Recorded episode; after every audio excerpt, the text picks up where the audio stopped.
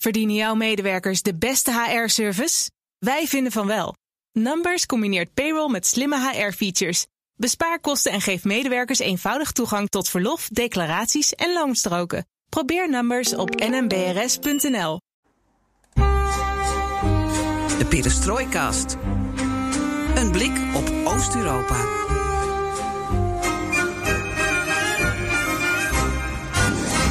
Welkom bij BNR Perestroikast. Aflevering 44 van de enige podcast van Nederland die volledig oog voor het oosten geeft en heeft. Een aflevering waarin we eindelijk weer eens uit eigen ervaringen kunnen putten. Want Floris, jij bent net terug uit Wit-Rusland.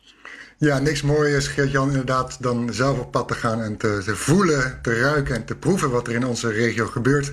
Ik was inderdaad in Wit-Rusland, zowel in stad als provincie. En ja, dat draait natuurlijk om de verkiezingen van aanstaande zondag 9 augustus. En hoe we meer die kant opgaan en hoe meer Lukashenko, de president, zich als een kat in het nauw lijkt op te stellen.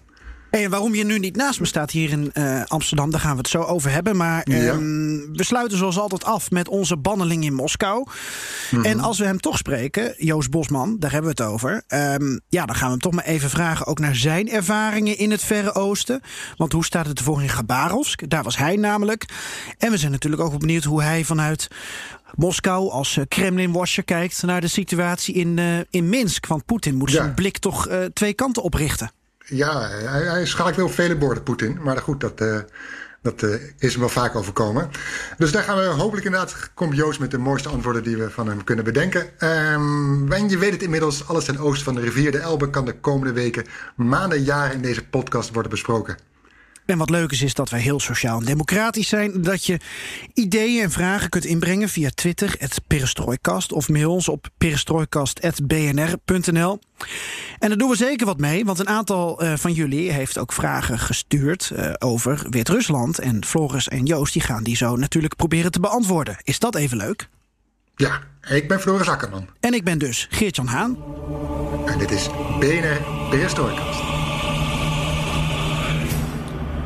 Een bomvol programma dus, Floris. Maar dan nu toch mm -hmm. de vraag, of vraag het antwoord... waarom sta je niet naast me? Ja, uh, helaas, Geert-Jan, sta ik niet naast je. Uh, Wit-Rusland is aangemerkt als oranje gebied, corona-risicogebied. En als je daaruit terugkomt, zoals in mijn geval... dan moet je, is het dringend advies, twee weken in thuis quarantaine. Dus ik zit nu vanuit huis in Zandvoort, heb mezelf opgesloten... en er moet nog 13,5 dag heb ik te gaan. Ja, verveelt het nu al? Uh, nou, nu is het nog grappig en zo en leuk. En dat je denkt van, goh, hoe, uh, hoe ga ik me hier vermaken? Maar ik denk, op den duur wordt het wel wat vervelend, denk ik. Ik denk dat je gewoon heel veel uh, toespraken van Lukashenko gaat terugkijken. Ik ga ze allemaal analyseren, woord voor woord, letter voor letter. Ja. Ben je op Schiphol of op uh, Minsk, ik weet niet hoe het vliegveld daar heet... maar Minsk Airport, ben je daar nog gecontroleerd op dingen? Ehm, nou, op de heenweg... Uh, toen ik aankwam in Minsk stond er iemand zo met zo'n pistool klaar. Hè? Oh, gezellig. In, uh, in, het, in het vliegveld, inderdaad. Weer meteen, uh, weer meteen tegen de muur gezet. En die controleerde dus met dat pistool alle passagiers op temperatuur. Ik kon gewoon doorlopen, dus dat zal wel goed zijn geweest. Wacht even, een, een, een, een, een thermometer dus? Ja, wat, wat, ja, nee, ik, ik, ik heb dit nog niet gehad, deze check. Uh, maar dit ah, okay. klonk wat beangstigender dan het dus uiteindelijk ja, blijkt te zijn. Je moet het, je moet het mooier maken dan het is. Hè? Maar het is zo'n, zo'n, ja, zo'n, ze hebben iets in hun hand. Ik heb er niet zo goed naar gekeken, maar dat zag je ook geloof ik al eerdere beelden. Ja, alsof ze zo'n pistool op je richten. En dan uh, als je langs loopt, uh, in het vliegtuig liep ik langs bij, de, bij de uitgang. Dan meten ze dus je temperatuur. Oké. Okay. En, en gezondheidsverklaringen en zo? Nee, de gezondheidsverklaring die had, had ik mee. Uh, die, die, moet je mee hebben van het Nederlandse ministerie, overheid. Die bleef gewoon in mijn tas. Had ik keurig uh, alle vragen beantwoord dat ik gezond ben. Maar niemand die daar op de heenweg uh, naar vroeg. Ook niet bij aankomst in Minsk. En op de terugweg in Minsk werd ik vlak voor het boorden op het vliegveld zelf... werd ook mijn temperatuur gemeten. Dit keer iets een apparaatje op mijn pols. En daaruit bleek dat ik 35,5 graden in mijn lichaam een ijskoud dus eigenlijk. Oh, dus het koude hart je, van Floris Akkerman. ja, een koele kikker. Dus je kunt je af, afvragen van... Goh, is dat een, is dat een goed, goede temperatuur? En stel, er heeft iemand 38 graden, met koorts dus... zou die dan gewoon een normale temperatuur hebben aangegeven. Ja. Kortom, dus dat is ook niet helemaal duidelijk. Um, bij aankomst op Schiphol, ja, liep ik gewoon als vanouds door... Niemand. Ik had opnieuw mijn gezondheidsverklaring mee. Die moet je ook voor de terugweg meenemen. Niemand die daarnaar vroeg. Niemand die uh, mij controleerde. Um, maar, ja, het was gewoon als vanouds paspoortcontrole. En ik stond uh, buiten op het trein naar Zandvoort te wachten. Wat vind je vrouw ervan? Mijn vrouw, ja, we hebben elkaar nog niet gekust. Oh, en dat ja, gaat ook nog 13,5 dag duren? Dat hoort ook nog. Nou ja, dat is een beetje lastig. We, we houden een beetje de incubatietijd in de gaten. Hè. Die wordt gezegd dat die 2 tot 6 dagen is. Uh, dus we kijken, even, we kijken even aan hoe dat zich ontwikkelt. 2 tot 6 dagen. Wie heeft jou dat wijsgemaakt? Dat staat op de site van de RIVM. 2 tot 6 dagen, oké. Okay. Ja, als, nou. als ik me niet vergis hoor. Uh, ik zit meer, ben meer thuis in Lukashenko dan denk ik in corona. Uh, maar goed, zij heeft nogal vrij verantwoordelijke baan waarbij ze veel mensen ontmoet. Uh, buiten de deur op pad moet. Dus ja, ze heeft toch zoiets van nou, en ja, ik ben het daarmee eens. laten we even voorzichtig doen. Ja. Nou ja, dat is op zich ook prima. je bent er stil van. ja. Nou ja, ja, je hebt wel wat te vertellen thuis, denk ik. Ja, zeker. En dat kan zeker. ze zo ook nog terugluisteren. Ja, nou, het was ook het eerste wat, wat we eigenlijk bespraken. Goh, wat heb je daar, uh, wat is daar gebeurd met corona? Wit-Rusland houdt zich daar niet zo echt aan. Laat ik het zo even grofweg zetten. Je, je merkt er minder van dat mensen ermee bezig zijn. En ja, ik heb, als je de Nederlandse maatregelen neer, neerlegt in Wit-Rusland of toe zou passen, dan heb ik alle maatregelen eigenlijk verbroken uh, die je maar kan bedenken. Ik ben een menigte geweest van 20.000 man. Uh, verkiezingsbijeenkomst van, van uh, presidentskandidaat. Mensen gesproken in, in, uh, dichtbij zonder mondkapje. ja. dus ja, ook in treinen geweest. probeerde ik nog wel te ventileren. Dus zet ik het raam open in de coupé. Maar was ik even uit mijn coupé gelopen. Kwam ik terug, was het raam weer dicht. Ja, je merkt wat dat betreft dat het lastig is in Wit-Rusland. dat je een soort van roepen in de woestijn bent, omdat je ziet dat andere mensen daar anders tegenaan kijken of er niet bewust van zijn. En ja, dan kun je zelf al van alles, alle maatregelen proberen vol te houden. Maar als je omgeving daar zich niets of minder van aantrekt, ja, dan sta je soms ook van, ja, wat moet ik nu? Ik kan toch moeilijk weer raam open doen, raam dicht doen, uh, mensen op aanspreken als die mensen denken van, ja, wat is eigenlijk aan de hand? Ja, A Stranger in Minsk. Dat ja, was dat was nou de eerste avond was wat dat betreft heel gek. Gewoon volle cafés, mensen die elkaar gewoon op straat passeerden rakelings. Um, toen dacht ik echt van waar ben ik beland? maar ja, daarna denk je ja, uh, je, je, moet hier ook een beetje van af, afstand van nemen. Want ja, je moet door. Je kan niet uh, jezelf helemaal zeggen van denken van oh, oh, dit gaat niet goed. Of die regel wordt niet in de hand gehouden. Ehm, we gaan verder dus. Ja. En dan moet ik natuurlijk ook weten, Geert-Jan, en dat vind ik altijd leuk om te horen. Wat moet je wat weten? De afgelopen week, nou ja, wat je de afgelopen week hebt uitgesproken. Want het, het moet haast wel, dat geldt ook voor mij, maar ook voor jou vroeg of laat kom je altijd wel iets van Centraal- of Oost-Europa tegen. Of je nou hier bent in Nederland, ja, of inderdaad als je op pad gaat, maar ook hier in Nederland. Ja, hier ben ik het tegengekomen. Ik, ik zit Mm, nog precies. altijd te wachten op uh, groen licht vanuit uh, Tbilisi om richting Georgië te kunnen. Maar ik denk Mhm. dat dat toch nog wel even op zich laat wachten. Zo heb ik uh, van allerlei bronnen begrepen. Het, Um, het gaat gebeuren ooit. ja, ik, ik, met je. we, we hebben het eerder in de perestrooikast gehad, inderdaad, over eh, dat jij ehm, eh, aan de IJssel was eh, met wat koude oorlog-elementen. Mhm. Je hebt natuurlijk wat plekken in Nederland die je tegen kunt komen rondom Peter de Grote. En ja, Ja, dat laatste dat overkwam mij afgelopen week tijdens een, eh, Mhm. een uitgebreid fietsrondje langs de vecht. En ik, eh, ja, ik, ik ging daar wat dingen over opzoeken. En ik dacht, ik ga dit, eh, dit historische verhaal hier gewoon even vertellen als mijn nieuws. Want ik vind het gewoon een mooi verhaal. Ja, nou, ik, ik, ik, ik sta te popelen van ongeduld om er naar te luisteren. Petersburg in Nederland. En er zijn er twee van, als ik het goed heb. Of waren er twee van, het is maar hoe je het ziet. En luisteraars mogen absoluut reageren en corrigeren hoor, als dit toch niet eh, klopt. Maar je hebt buurtschap Petersburg in Friesland. En aan de overzijde van het Opsterlandse compagnonsvaartkanaal ding, waar dat dan ligt, daar zou ook nog buurtschap Moskou liggen, zijn gesticht. Maar goed, dat verhaal een andere keer. Ehm, ik wil het hebben over Petersburg tussen Nederhorst, Den Berg en Nichtenvecht. Op de grens van nu Noord-Holland en Utrecht. Ik fietste daar afgelopen week langs, of doorheen.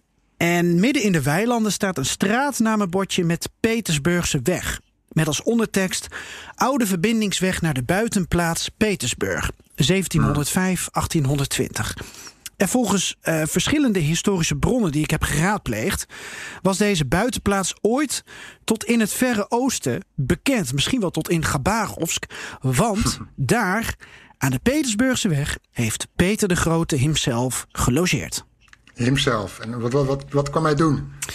Ja, waarom reist een tsaar af naar Nederhorst den Berg? Eh, dat is blijkbaar te danken aan een Amsterdamse agent van hem, bevrachter ooit, eh, Christoffel van Brands. En die ontwikkelde zich tot een, eh, een koopman van enige importantie, had ook heel veel connecties en is gaan reizen ook richting Archangelsk. En dat is het, eh, het noorden van Rusland. En hij ontmoette in die havenstad aan de Witte Zee Peter Begrote, die dan weer had besloten om daar de eerste grote haven, scheepswerf van Rusland te gaan bouwen. En ze raakten bevriend blijkbaar. En eh, die Brands, die van Brands, die heeft ook echt wel lang in Rusland gezeten. Eh, ging na jaren pas terug richting Amsterdam. Werd er een beetje pandjesbaas. En had ook een buitenplaats aan de vecht. Huis ten Ham. Dat lag dus in een bocht aan de vecht. eh, bij, ja, tussen Nichtenvecht en, en Nederhorst in. En in eh, afbeeldingen Ehm, of in, in, in de versieringen die hij toepaste aan zijn eh, Amsterdamse woning, zag je dus ook afbeeldingen van Peter de Grote die hij daarin liet opnemen. Hij was echt vol van de tsaar. En het buitenverblijf dat werd steeds fraaier en groter. Met, met geweldige tuinen. En het, het werd bijna een buitenplaats. Misschien dik ik het iets aan. Van, van een zekere Peterhof-achtige allure. Met Zo. tuinen, vijvers, weet je, alles wat je maar kan voorstellen. Gouden beelden? Dat eh, ook, verzin ik er gewoon bij nu. Hè? Eh, in mijn beleving wel. en hij doopte die buitenplaats ook om tot Petersburg. En hij mocht zich eh, sinds 1717, dat is zo'n 25 jaar nadat hij de tsaar voor het eerst ontmoette, mocht hij zich ook ambassadeur van de tsaar noemen. En hij is zelfs, geloof ik, volgens de historische bronnen die ik hierover kon raadplegen, tot in de Russische adelstand verheven. Nou, fantastisch. En eh, dan Peter de Grote, die is toen hij in Nederland was, bijvoorbeeld in Amsterdam geweest, maar ook op buitenplaats Petersburg aan de vecht. En daar was dus blijkbaar ook een badstoof gebouwd, zoals dat hoort. Eh, en zoals dat heet in die tuinen. En er zou zelfs een sauna zijn aangelegd. En daar kon Peter de Grote een beetje vegeteren. En jij bent niet die banja ingedoken? Nou, er is niks meer. Er is een bordje. Dat is het. en weilanden. Ehm, want ja, wat is er mee gebeurd? Eh, Van Brands ging dood. En het complex dat raakte in verval, was te duur voor onderhoud. Zeker als, als ja, hoe dat toen heette, als lusthof. En eh, dat bordje dat laat ook zien 1705 tot 1820. Ehm, het is gewoon weg. Er zijn dus wel nog fundamenten van aangetroffen. Van dat huis, eh, herenhuis, van, van, van de vijvers, de kanalen, eh, enkele paden. Het was gewoon gigantisch. En eh, volgens historische kring Nederhorst en Berg moet het een eh, officieel erkend archeologisch monument zijn of worden. Maar goed, ja, nu is het gewoon eh, weiland met alleen nog een bordje dat eraan herinnert. En je bent niet begonnen met graven. Nee, nee, ik hou niet van vieze handen. Nee, het verhaal is mooi, want dan kom je weer iets tegen wat niet in, in, in je verbeelding Ja, past. tuurlijk, tuurlijk. Dus dat wil ik niet. Nee, Ja, Holland is mooi op Russische wijze. ja, zo simpel kan het zijn. Ja, leuk. Mooi verhaal.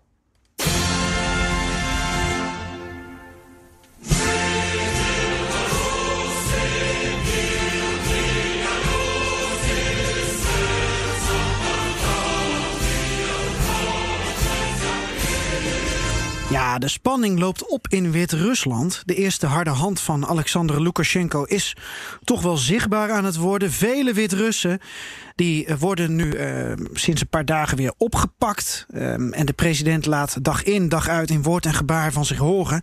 9 augustus, dan zijn de presidentsverkiezingen. En de populariteit van Lukashenko die lijkt tanende als je kijkt naar de protesten van de oppositie die maar blijven aanzwellen. Alleen. Ja, als er nu met harde hand wordt opgetreden, waar gaat dat in uitmonden? De oppositie die is trouwens niet per se uit op het presidentschap in eerste instantie, ehm, maar komt er naar eigen zeggen op dit moment op voor eerlijke verkiezingen. En dan moet die stap daarna worden genomen om te kijken wat er van Wit-Rusland verder gemaakt kan worden. Ja, allerlei ontwikkelingen. En Floris, eh, je bent dus net terug uit Wit-Rusland. Waar ben je eigenlijk allemaal geweest? Eh, ik ben in Minsk geweest natuurlijk, de hoofdstad. En vervolgens heb ik op zondag de trein gepakt eh, in de vroege ochtend naar Brest in het westen van Wit-Rusland. omdat, ja, daar kwam de oppositie, of dan de uh, Tiganovskaya, de presidentskandidaten, hield daar een verkiezingsbijeenkomst. En daar wilde ik graag bij zijn. Ja, we hebben het eh, twee weken terug met Franka Hummels uitgebreid over de situatie in Wit-Rusland gehad. Mhm. Eh, die kun je terugluisteren, die aflevering natuurlijk, in je podcastplayer, aflevering 43. Kun jij toch even kort samenvatten wat volgens jou nu de situatie in Wit-Rusland is? Want je hebt dus een president die al heel lang aan de macht is. En je hebt nu drie vrouwen die ehm, daar wat tegenover proberen te zetten met Tiganovskaya als plots naar voren geschoven pion. Ja, nou ja, plot naar voren geschoven inderdaad. Zij uh, heeft zich opgeworpen als presidentskandidaat. Uh, nadat haar man in de, in de cel is beland. Um, ja, wat je ziet is eigenlijk dat er een soort. Eh, dat je wat, de afgelopen, wat je eigenlijk de afgelopen 26 jaar niet hebt gezien. Is dat er dus enorme bijeenkomsten zijn met duizenden mensen in, in, in Wit-Rusland door het hele land die afkomen op haar Tiganovskaya's uh, verkiezingsbijeenkomsten. En ja, als je daar staat, dan zie je toch dat, dat mensen, ja, ze zingen, ze juichen, ze klappen. Uh, Tiganovskaya kwam anderhalf uur te laat uh, op die, bij de verkiezingsbijeenkomst aan. omdat ze onderweg was opgehouden door de verkeerspolitie en de banden zouden lekker zijn gestoken. Dus het duurde al wat langer. Maar al die 20.000 mensen, mensen die daar naar schatting stonden, die bleven gewoon keurig wachten totdat uh, zij er was uh, met uh, de twee andere vrouwen. En, en dat is niet alleen in Brest. Hè. Ze maakte een, een die dag was het Brest de tweede stop die dag. Ze ging daarna nog door naar een andere plaats. En zo gaat ze eigenlijk de hele, heel Wit-Rusland door. En dat is gewoon ongekend. En ook als je ziet hoe die mensen ja, dat beleven. Um, toen ik daar stond, voelde je echt wel. Ik stond in de, menigte, in de menigte redelijk vooraan.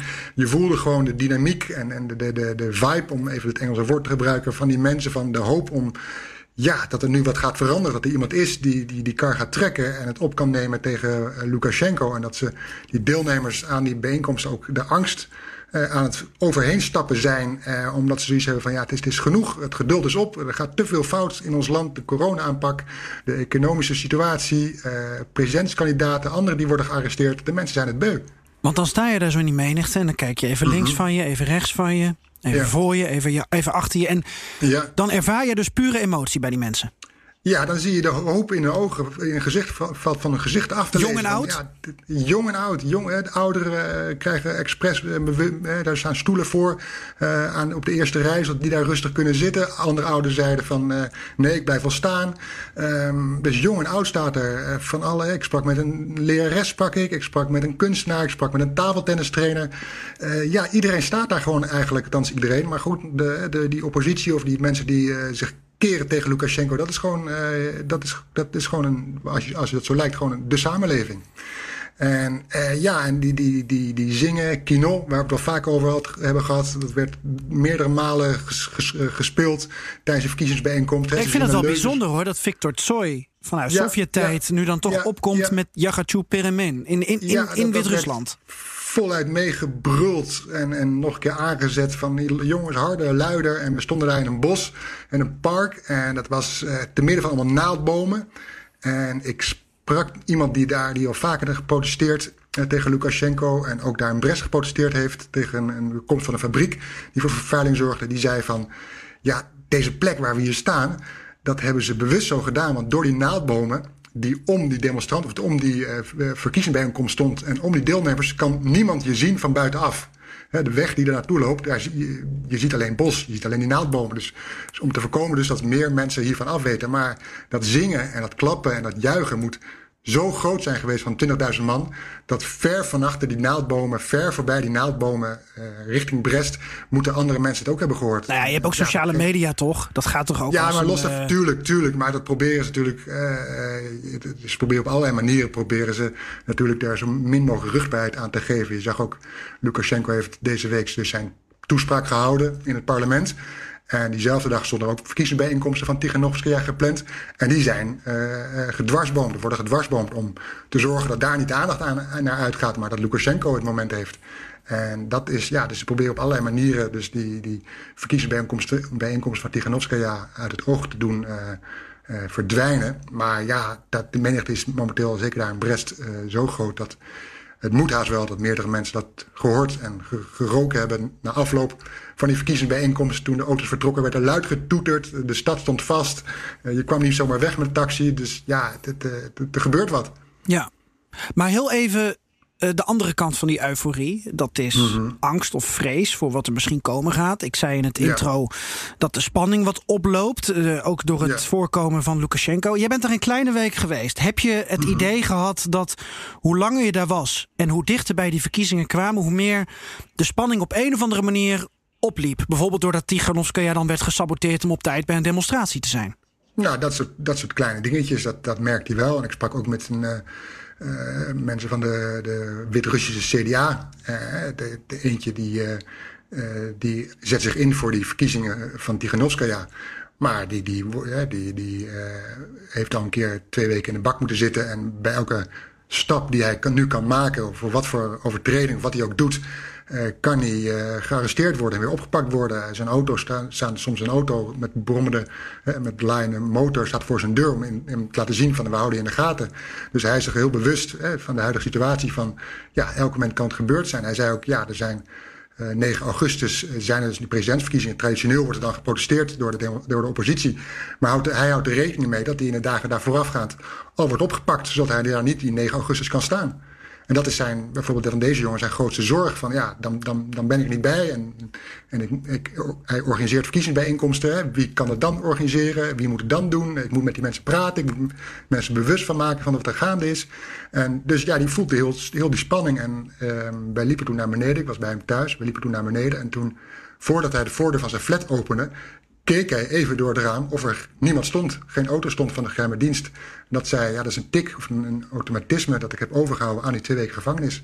Hij zei ook, ik blijf ook bij jou staan. Zal het met z'n tweeën zijn. Dus als er wat gebeurt, ik word meegenomen. Of jij, Floris, ik dus, word meegenomen. Dan heb je dus altijd iemand die eventueel nog een nummerbord kan opschrijven eh, om dat te noteren en erachteraan te gaan. Ik sprak ook uh, iemand anders op die bijeenkomst in Brest, die zei ook: ja, Ik ben hier samen met mijn tante. Dat is veiliger als we met z'n tweeën zijn en er gebeurt wat met mij, of met iemand anders, of met mijn tante, of met mijn nichtje, sorry. Uh, dan kan iemand eventueel toch nog uh, ja, alarm slaan. Heftig? Ja, dat. Dus daarom merk je dat, dat uh, richting de verkiezingen de spanning oploopt. En dat uh, Lukashenko, dat zie je ook, hoor je ook aan zijn toespraak, uh, niet beroerd is om, om alles uit de kast te halen om zijn positie vast te houden. We hebben een mystery guest voor de luisteraar, want niet aangekondigd, maar wel verwacht voor de mop. Maar toch ook even om hierover mee te praten. Joost Bosman. Dag Joost. Hoi hoi. Um, ja, want Joost, in, in, in tegenstelling tot Floris, uh, kun jij niet naar Wit-Rusland om verslag te doen. En op zich is het wel interessant om het eens te hebben over waarom jij niet ergens heen kan als correspondent. En met jou denk ik heel veel andere correspondenten in Moskou die ook normaal gesproken Wit-Rusland tot hun gebied van verslag rekenen. Uh, waarom kun jij niet die kant op? Nou, ten eerste omdat uh, de, de, de, de coronamaatregelen hier nog gelden. Dat wil zeggen, de, grens met, uh, de, de, Russische grenzen zijn nog steeds gesloten. Dat betekent dat je dus met veel moeite het land alleen maar uit kunt. Ik denk dat ik naar Wit-Rusland nog wel zou kunnen, omdat uh, er een uh, douane-unie douane is met, tussen beide landen. Maar het punt is, ik kom waarschijnlijk dan niet meer terug naar Rusland. Dat is een heel praktisch ding gewoon, omdat de Russen burgers van de Europese Unie uh, nog niet toelaten in, uh, in Rusland. Een ander ding is, en dat is, dat is veel politieker, is dat de uh, meeste correspondenten hier een, een, accreditatie hebben aangevraagd voor de verkiezingen. Um, die worden niet geweigerd, maar er wordt gewoon tijd gerekt. Niemand krijgt hem op tijd. En het lijkt er gewoon op. Het kan geen toeval natuurlijk zijn dat niemand een accreditatie krijgt. Dat betekent dat ze gewoon tijd aan het trekken zijn. En, en uh, ja, uh, wij, botweg weigeren, dat, dat staat niet chic natuurlijk. Uh, maar goed, daarom laat het maar gewoon op de burelen liggen. En krijgen wij gewoon geen accreditatie, waardoor je dus eigenlijk ook niet kunt werken in, in Wit-Rusland. En je hebt niet besloten om als groen mannetje of huurling van de wakende militie even stiekem mee te gaan? Ja, daar heb ik overwogen. Dat was, een, dat was een optie uiteraard. Maar ik, nee, het punt is dat... Um, ja, voor mij is dan toch ook belangrijk dat ik mogelijk niet meer terugkom. Hè. Het, het, het, het, heeft twee. Uh, een, een, een, het is een probleem van twee kanten, omdat ik ook vanwege die coronamaatregelen mogelijk niet meer terug kan keren naar Moskou. En dat is voor mij toch wel een, probleem natuurlijk als uh, correspondent in Rusland. Ja, nu even een vraag als, als drie journalisten onder elkaar. Want je hoorde waarschijnlijk net, Joost, dat Floris toch met een zekere euforie of, of enthousiasme nog aan het praten is. Omdat het natuurlijk best wel. Ja, euforie. Het is niet zo dat ik nu denk van de, de revolutie gaat uitbreken en Lukashenko. Uh, nee. Uh, zijn laatste. Maar, ja, ik, ik, nou ja, ik, moet een ander woord gebruiken. Als, maar... als, het is bijzonder wat er gebeurt. Als je dat afsteekt tegen de afgelopen 26 jaar, dat, dat, ja, dat, dat voel je wel als je daar staat in Brest bij zo'n bijeenkomst. Je voelt Ja. dat er iets gaande is. Nou, dat omschrijf je beter dan ik, inderdaad. Dat, dat is waar ik naartoe wilde. Want ik was benieuwd, Joost, hoe jij dan daarnaar luistert. Even als, als, als journalist. Want eigenlijk wil je daar gewoon bij zijn. Ja, natuurlijk eh, wil erbij zijn. Maar goed, eh, wat ik kan, kan niet. Ik kan ook geen ijs met handen smeden. Eh, ja, wat ik uit de, de, berichtgeving in, in, kranten en, en, en gesprekken met mensen in Minsk, die ik nog wel eens spreek, over de telefoon natuurlijk. ehm, ja, heb ik ook wel het gevoel dat het, dat het echt momentum is. Hè? Het is nu of nooit, lijkt het. Lukashenko heeft het nog nooit zo zwaar gehad in zijn verkiezingen. Eh, heeft altijd, is altijd vrij eenvoudig overeind gebleven. Zij het met opsluiting van eh, oppositiekandidaten en, en arrestatie en, en eh, uitsluiting van de verkiezingen gewoon. Maar het lijkt erop dat de, de, de, oppositie nu veel, veel verenigder is in, in Wit-Rusland. En dat, denk ik, is, is een van de grootste gevaren voor Lukashenko. Ja, Daarnaast, veel, veel, ver- veel verenigd. Ze zijn nu verenigd. Dat is het unieke van de huidige ja, ze situatie. zijn verenigd. Voorheen Precies, was er altijd verdeeldheid tussen de oppositie. Hadden ze eh, Ja. politieke agenda. En daar konden mensen, burgers, geen wijs uit worden. Hè, van ja, dan liberalen, sociaaldemocraten, communisten, groenen. Ja, daar, daar, daar heb je niks mee. Maar die drie vrouwen die hebben het voor elkaar gekregen om al die krachten van die oppositie te bundelen. En Ze voeren geen politieke agenda. Hè. Ze zijn voor eerlijke verkiezingen en voor vrijlating van politieke gevangenen. En dat is een boodschap, een eenvoudige, duidelijke boodschap die gewoon een breed publiek aantrekt. En dat, dat, dat is nu de kracht van die oppositie. Die zijn nu een eenheid. Ja, Sorry, eh, inderdaad. Nee, nee, je hebt gelijk. eh, dat, dat bedoel ik ook precies eh, te zeggen. Dankjewel, Floris. Ehm, eh, ja, en, en, en afgezien daarvan is de, de, de, de afkeer van Lukashenko zo groot geworden. Dat speelt natuurlijk, dat snijdt aan de andere kant.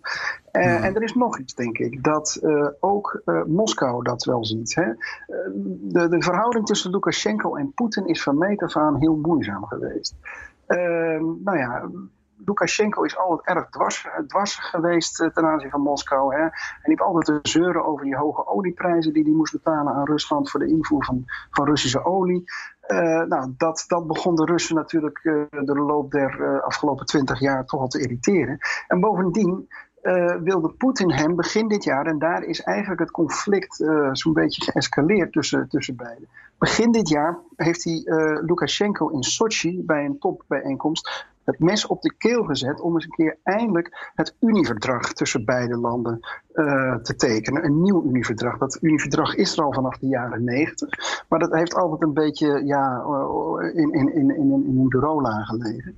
Nu wilde Poetin eindelijk een keer dat dat eh, verdrag getekend zou worden. Namelijk omdat daarmee ja, Rusland en Wit-Rusland in feite bijna zouden fuseren. In één land zou worden. Dat zou voor Poetin het eh, ehm, voordeel hebben opgeleverd dat als hij in 2024 eh, zou moeten aftreden. Inmiddels weten we dat dat al niet meer eh, nodig is, omdat de grondwet is, niet is gewijzigd, maar die geldt niet voor Poetin. Dus hij kan tot 2036 aanblijven. Maar dat zou voor Poetin de mogelijkheid hebben gecreëerd om na zijn aftreden als president van Rusland president te kunnen worden van, het over, van de overkoepelende Unie. Nou, en dat was natuurlijk, eh, daar was Poetin toen nog een beetje op uit, leek het. Poetin wil altijd veel mogelijkheden openhouden en dit was er één van. Eh, en Lukashenko heeft gezegd over mijn lijk. Het gebeurt gewoon niet. Nou ja, dat heeft veel kwaad bloed gezet in Moskou.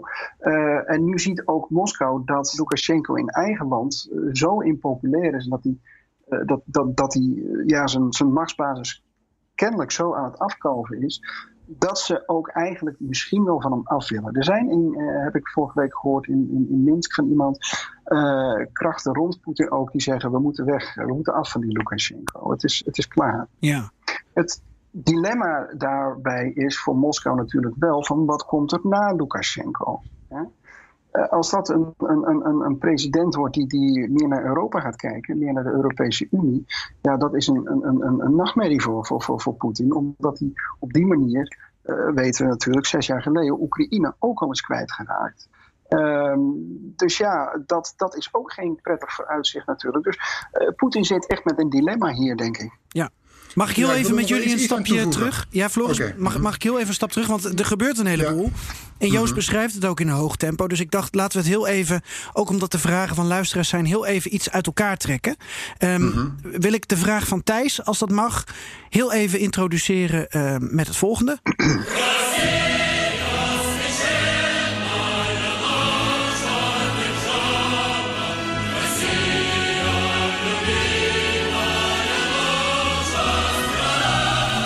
Ja, want Joost, Rusland, het Russisch volkslied. Je hintte erop, maar het is me niet helemaal duidelijk. De vraag van Thijs is namelijk: hoe groot is de kans dat de man zonder snor, dus Poetin, ook in Wit-Rusland de protesten daadwerkelijk beïnvloedt? Oei, dat is een lastige vraag. Um... Want jij hebt het vooral over indirecte beïnvloedingen. Op wat voor manier indirect bedoel je? Nou, niet via de protesten, maar op allerlei andere manieren meer uh, achter de schermen. Um, maar niet, niet, niet via de demonstraties, toch? Nee, nee, nou ja, goed. Wat, wat, wat Lukashenko, waar Lukashenko vorige week op hintte, is dat Wagner daarmee bezig was, natuurlijk. Ik, ik vraag me dat af. Ik, ik, uh, het is van beide kanten een raar verhaal. Uh, maar ik, ik, sprak vorige week een, een, analist in Minsk, een militair analist, en die zei van ja, mogelijk wil uh, Moskou wel af van Poetin van, uh, van, van Lukashenko. Maar hij, dat, dat zal niet hand gebeuren. Dat dacht hij niet. Dat vond hij heel onwaarschijnlijk.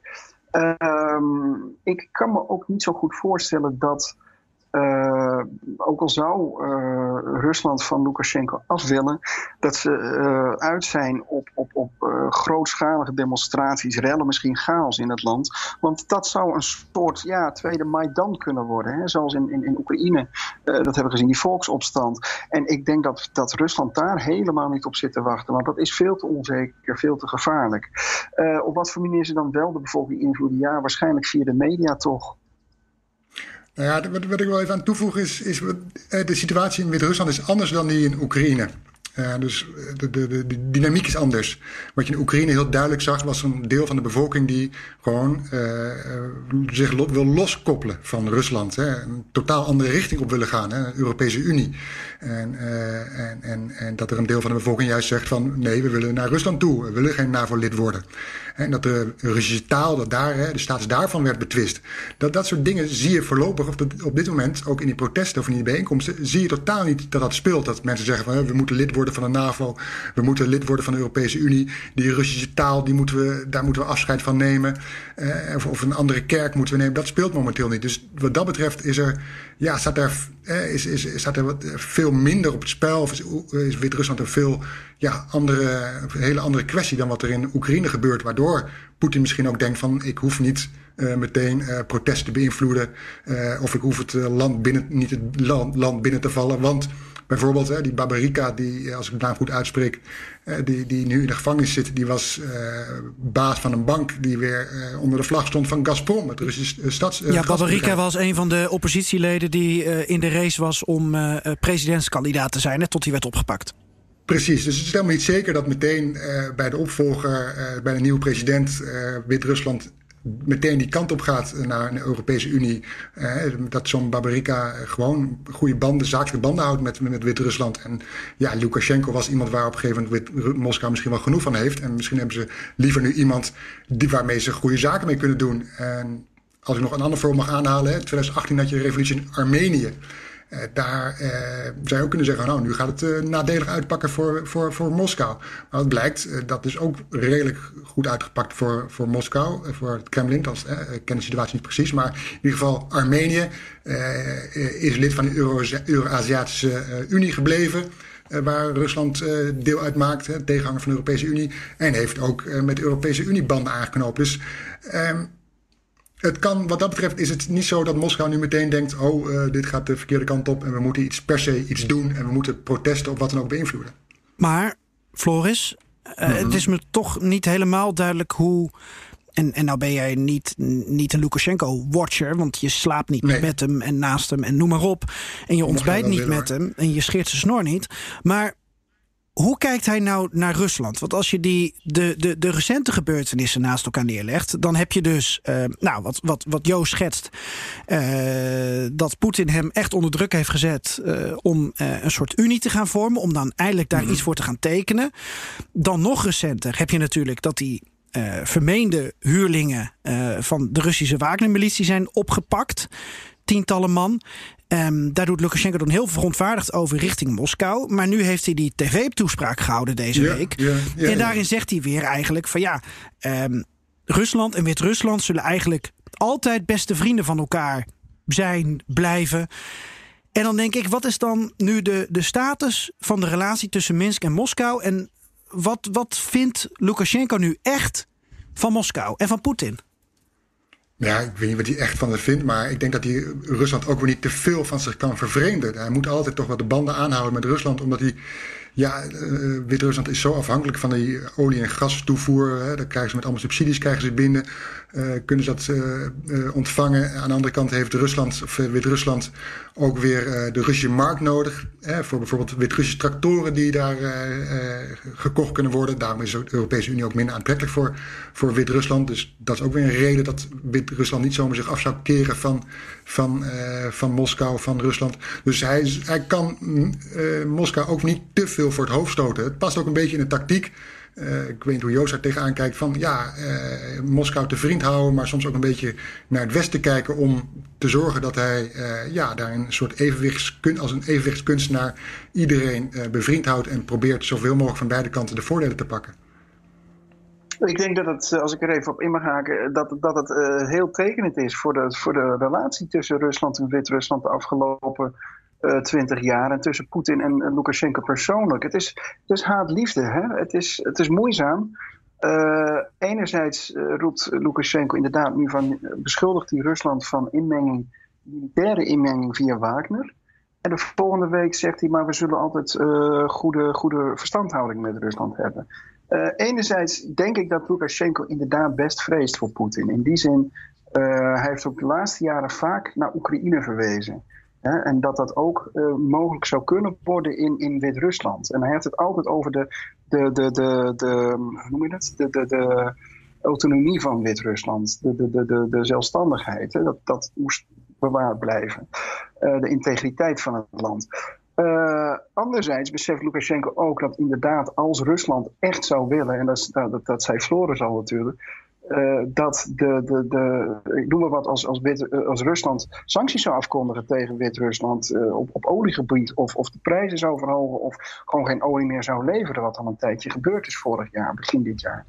Dan, dan stort de economie in elkaar van Wit-Rusland. En, en, en dat kan hij zich natuurlijk ook niet veroorloven.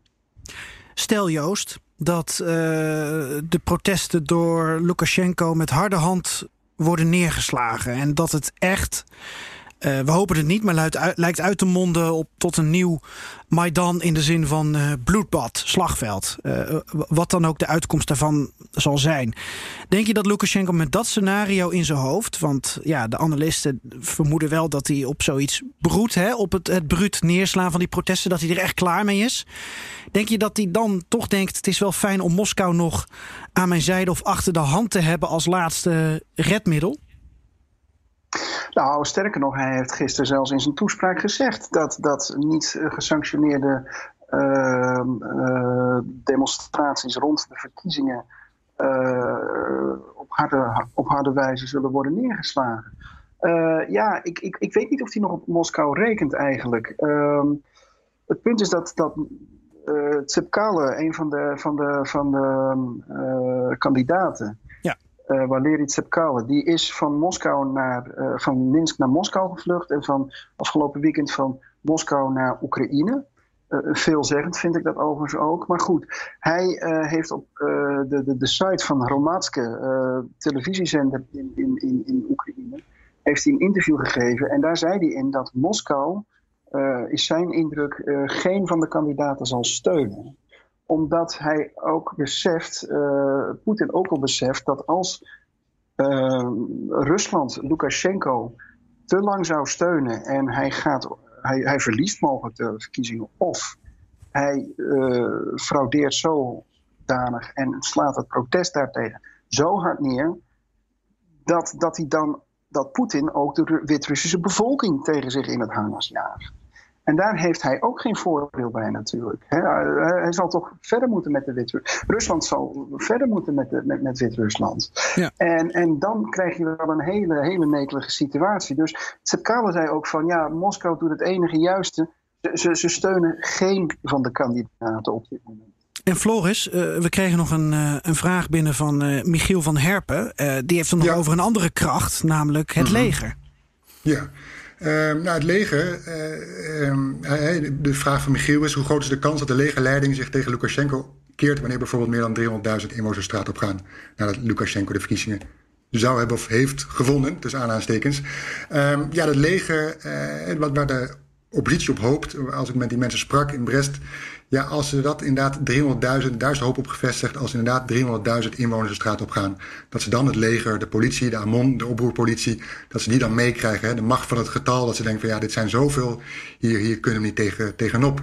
Um, maar ik sprak ook met een analist die zei bijvoorbeeld van ja, de, de leger is niet in zo'n kasten of zo'n zo'n status apart, of hoe je dat ook noemt, bijvoorbeeld als in Turkije. Dat, ze, dat die kunnen zeggen van, hè, wij, wij bepalen waar het land naartoe gaat. Het leger is gewoon wat dat betreft uh, ondergeschikt aan Lukashenko. Uh, en zal dus niet op eigen houtje, zei de expert, zomaar denken van, we, gaan, we, gaan, we gaan die en die partij of die en die kant sturen of steunen. Wat ik bijvoorbeeld wel weet van de Moskouse protesten in 2011, 2012, dat een commissaris zei van ja, als er duizend demonstranten zijn, doen we niks.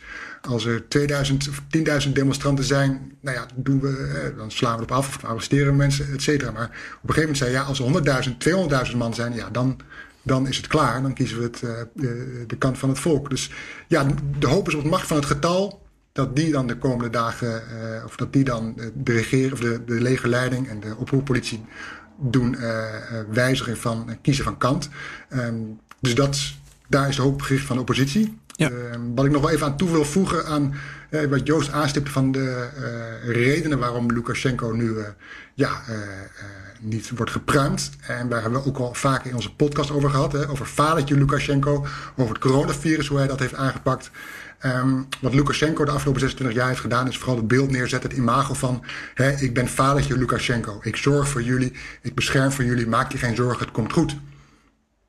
Wat het coronavirus heeft aangetoond is dat, ja, dat Lukashenko niet voor zijn volk kan zorgen. Hè. Hij zei dat alles goed was. Hij drinkt vodka, ga naar de sauna. Maar ondertussen zagen de Wit-Russen hun familieleden sterven.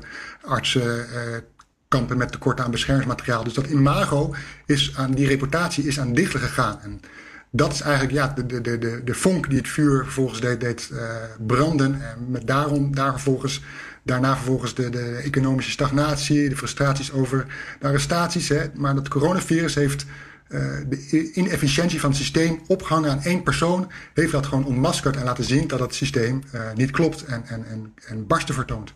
Ja. Joost, jij bent uh, waar je wel naartoe kon, was Gabarovsk. In het Russische Verre Oosten. Veel verder weg van Moskou dan Minsk. Maar daar bleef je binnen de landsgrenzen en, en kon je dus uh, zonder allerlei coronaprotocollen wel naartoe. Uh, kijkt Poetin nou naar links en rechts? En als hij dat doet, waar kijkt hij nou eh, het meest met, met angst en beven naar? Naar de situatie in Wit-Rusland of de situatie in, in Gabarovsk? Lastig te zeggen. Het is een beetje appels met peren vergelijken, denk ik. Maar, maar uh, wat, wat, wat voor Poetin het voordeel is eh, van, van is dat het 8000 kilometer van Moskou af is. Ik sprak met een, uh, in Gabarovsk met de, de, voorzitter, de lokale voorzitter... van de afdeling van de Groen-Liberale Partij Jableke. En die zei van, weet je... Het, ze maken zich niet zoveel zorgen in Moskou, want uh, ze hebben het wel onderschat. Ze hadden er iets verwacht, deze protesten. Maar revoluties in Rusland zijn altijd in Sint-Petersburg en Moskou begonnen. Uh, hij verwachtte niet dat, dat dit uh, voor, voor, voor Moskou echt uh, een grote bedreiging is. en hij zei, ja, wat je nu ook ziet, ze wachten gewoon af. Hè, de protesten zijn vreedzaam, er wordt niet gereld, er wordt niet gevochten. Uh, dus kunnen ze het nog wel even door laten gaan. Wat je ook in Gabarovsk zelf ziet, is dat er. Ja, je ziet vooraf van de, uh, van de, van de bijeenkomsten elke dag. Hè, dat zijn er, in het weekend zijn er de tienduizenden. en door de week elke dag zo'n clubje van 300. Dat gewoon de, de honneurs waarneemt tijdens de week. Een paar van die volhouders. En dan gaan ze weer naar het weekend toe en dan komt iedereen weer de straat. Nou, je ziet voorafgaand aan die demonstraties door de week. Ik was er alleen maar door de week, dus ik kan dat alleen maar vertellen. dan zie je dat er wel uh, twee busjes met oproerpolitie aankomen rijden. En die stellen zich op achter het provinciehuis, maar die zie je verder niet meer. De demonstraties die gewoon over de straten gaan en, en dwars door de rode stoplichten heen, en, uh, die, die, die worden begeleid door een paar, twee, drie agenten. Meer zijn het er niet, met een platte pet. Dat zijn helemaal geen oproeragenten of wat ik maar. En dat geeft ook al wel aan dat zeker de lokale macht in Gabarovsk niet van zins is voorlopig om deze protesten uiteen te slaan. En dat Moskou zich daar eigenlijk wel naar voegt. Hm. Kijk, op het moment dat het blijft doorgaan, blijft aanhouden en de protesten mogelijk ook agressiever worden, dat zou kunnen, dat weet je niet. Dan zou het kunnen zijn dat, dat op een gegeven moment uh, ja, Moskou een order geeft van, uh, aan, aan de lokale nieuwe gouverneur van dit moet je niet langer eh, pikken, hier moet een paal en perk aangesteld worden. Dat weet ik niet. Er is nog wat anders. Veel mensen zeggen in, in, in Gabarovsk, ook, ook, ook deskundigen die ik heb gesproken, van deze, deze, deze zaak staat eigenlijk los van Poetin. Het gaat de mensen hier echt om de, de, arrestatie van de, uh, Sergei Furgal, hè, die, die, die, gouverneur, die, die, die volksgouverneur zoals ze hem dan noemen, die erg populair was. Um, nou ja, er worden wel tijdens de demonstratie steeds vaker ook leuzen geroepen als Poetin met ontslag en, en, en uh, dat soort dingen. Uh, Rusland uh, wordt wakker. Hè? Dat is een oproep aan heel Rusland in, in, in feite om in opstand te komen. Maar Um, ja, de vraag is of het daar de meeste mensen echt om gaat. De meeste demonstranten, uh, zeggen die experts, um, en dat, dat, hoor je ook wel in gesprekken met ze. Um, de, meeste, de, de, meeste demonstranten is het echt te doen om, uh, nou ja, liefst de terugkeer van die gouverneur natuurlijk. Maar als dat niet mogelijk is, dat hij in ieder geval terugkeert naar Gabarovsk om daar berecht te worden. En niet in Moskou. Want Nee, maar het, het, dat geldt natuurlijk ook uh, in zekere mate voor Wit-Rusland. Alleen dan willen ze iemand, uh, wat de oppositie betreft, uh, weg hebben. En gaat het ook niet direct om Poetin. Maar goed, het, het, het, het, indirect gaat het in beide gebieden wel voor een deel om Moskou en de macht van Moskou. Wat ze willen. Dat is verschillend in beide regio's. Maar goed, ik noem Wit-Rusland even een regio. Ik heb nu weer ruzie met heel veel mensen.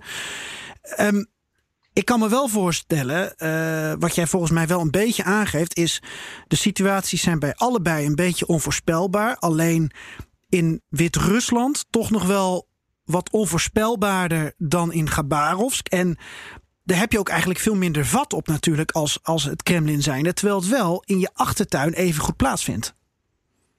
Dat denk ik ook. Mijn, mijn gut feeling zegt ook wel dat, dat, dat uh, Wit-Rusland uh, voor, voor, voor Poetin eh, potentieel een veel uh, explosievere situatie is dan, dan, dan uh, uh, Gabarovsk. er komt bij, te meer je ook omdat ik, wat ik heb begrepen, de oppositie in Wit-Rusland eigenlijk Lukashenko voornamelijk aanvalt op zijn binnenlandbeleid. Op zijn buitenlandbeleid steunen ze hem eigenlijk wel. Ook in zijn, zijn dwarse houding naar Moskou toe. Dat betekent dus als een oppositiekandidaat aan de macht komt in Wit-Rusland, dat dat beleid gewoon voortgezet gaat worden. En dat, denk ik, is de grootste zorg voor Poetin op dit moment. Ja. Wat je zou kunnen zeggen nog over Gebarovsk is natuurlijk dat ook, want ik heb ook een journalist van Vedomosti gesproken daar. En die, die vertelde toch een ander verhaal. Die zei: Het gaat niet om Fugal. Het gaat hier om de e sociaal-economische situatie van het Verre Oosten en van Gabarovsk daar zijn de mensen echt, eh, die hebben daar zo tabak van. Het is hier gewoon arm. Mensen hebben gewoon niet genoeg. En nou ja, zoals je vaak ziet met dit soort gevallen, heb je één aanleiding nodig om, om, om die sociaal-economische uh, onvrede uh, naar de oppervlakte te brengen. En die zei dat dat daar voornamelijk aan de hand Joost, nu we je toch aan de lijn hebben, laten we dan maar gelijk de mopper inslingeren. Ook al zijn het roerige tijden. Uh, er moet altijd wat te lachen zijn. Ik weet niet of je iets hebt uh, waar uh, ik hard van ga lachen of ga huilen. Maar ik, ik geef je nog een kans. Ja, de vrolijke noot. Ik, ik doe mijn best. Ik, uh, ik hoorde vorige week in Gabarovsk een mop van iemand die vertelde dat er een. Uh, de, de, de, infrastructuur is daar slecht. De wegen zijn slecht. Uh, de, de, de, de, telefoonlijnen, weet ik het. het zeker in, in, in vroege jaren, het gaat wel iets beter. Gabarovsk heeft inmiddels een fantastisch mooi nieuw vliegveld. Maar in de tijden dat het daar nog niet zo was, laten we zeggen een jaar of 10, 15 geleden uh, is er nog een oud vliegveld. En er komt een uh, Japans echtpaar aan op, op, op uh, Gabarovsk. vanuit Japan komen ze overvliegen. En met een tussenstop van Gabarovsk willen ze naar Moskou. Maar het vliegtuig is er niet naar Moskou. Waarop ja, de, de, de, de, verkeers, de, de, de luchtleiding zegt... nou, we zullen wel even bellen met Moskou hoe dat zit, of dat vliegtuig nog komt. Dus een van die van die, uh, van die uh, mensen gaat zijn kantoortje in en, en, en begint te bellen met Moskou. En, en, en uh, heel hard te praten, want ja, hij moest het verstaan. Maar hallo, zegt hij. Hallo, Moskou, Moskou, hoort u mij? Hallo, hallo.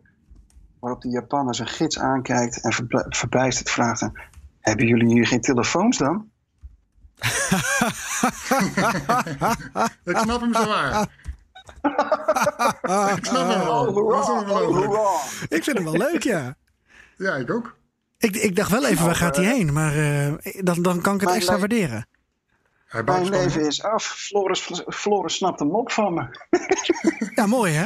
Ja. ja. Ik vond hem ook leuk. Ja. Eerst Floris opsnappen, dan sterven. Zoiets. Joost, bedankt weer voor je duiding en voor je humor deze Graag keer. Gedaan. Graag gedaan. En ik hoop dat je nog een keer het land uitkomt. Anytime, ja, dat hoop ik ook zeg. laat, laat hem maar lekker daar zitten. Het is goed dat de journalisten daar zitten. Ja, ja dat is ook alweer zo. En uh, ach ja, ik heb hier mijn werk en uh, toe maar. Het is, uh, het is hier ook wel best. Ja, rest mij nog te vertellen dat Floris ook te horen is in de uitzending van BNR De Wereld. Het zou kunnen dat hij dus op het moment van luisteren voor jou ehm, nog niet beschikbaar is. misschien ook wel. Altijd op donderdagmiddag tussen 3 en 4. Bernard Hammelburg, onze zeer gewaardeerde collega, die bespreekt dan het beste buitenlandse nieuws uh, in zijn uitzending. En uh, Floris is daar te gast om over Wit-Rusland te praten. Daar gaat hij nog een aantal andere dingen vertellen. Ook over hoe het nu verder gaat volgens hem. Hij heeft zijn glazen bol erbij gepakt. Dus absoluut ook nog als luistertip. Zoek het op BNR De Wereld. Je vindt het op bnr.nl en ook in de podcast Players. Dankjewel Floris. Alsjeblieft, Geert-Jan. Oké, okay, dat doe je goed zeg. Dank u. Ja, ik krijg ervoor betaald. Ik krijg ervoor betaald. Ja, nou, uh, dat staat er niet voor. Jij wel, ja. Oh, je bent er ook nog. Zie je wel, het is gewoon een geheim agent. FSB, FSB, FSB.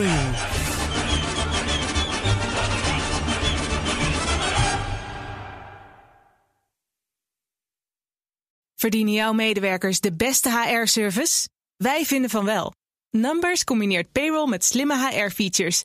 Bespaar kosten en geef medewerkers eenvoudig toegang tot verlof, declaraties en loonstroken. Probeer Numbers op nmbrs.nl.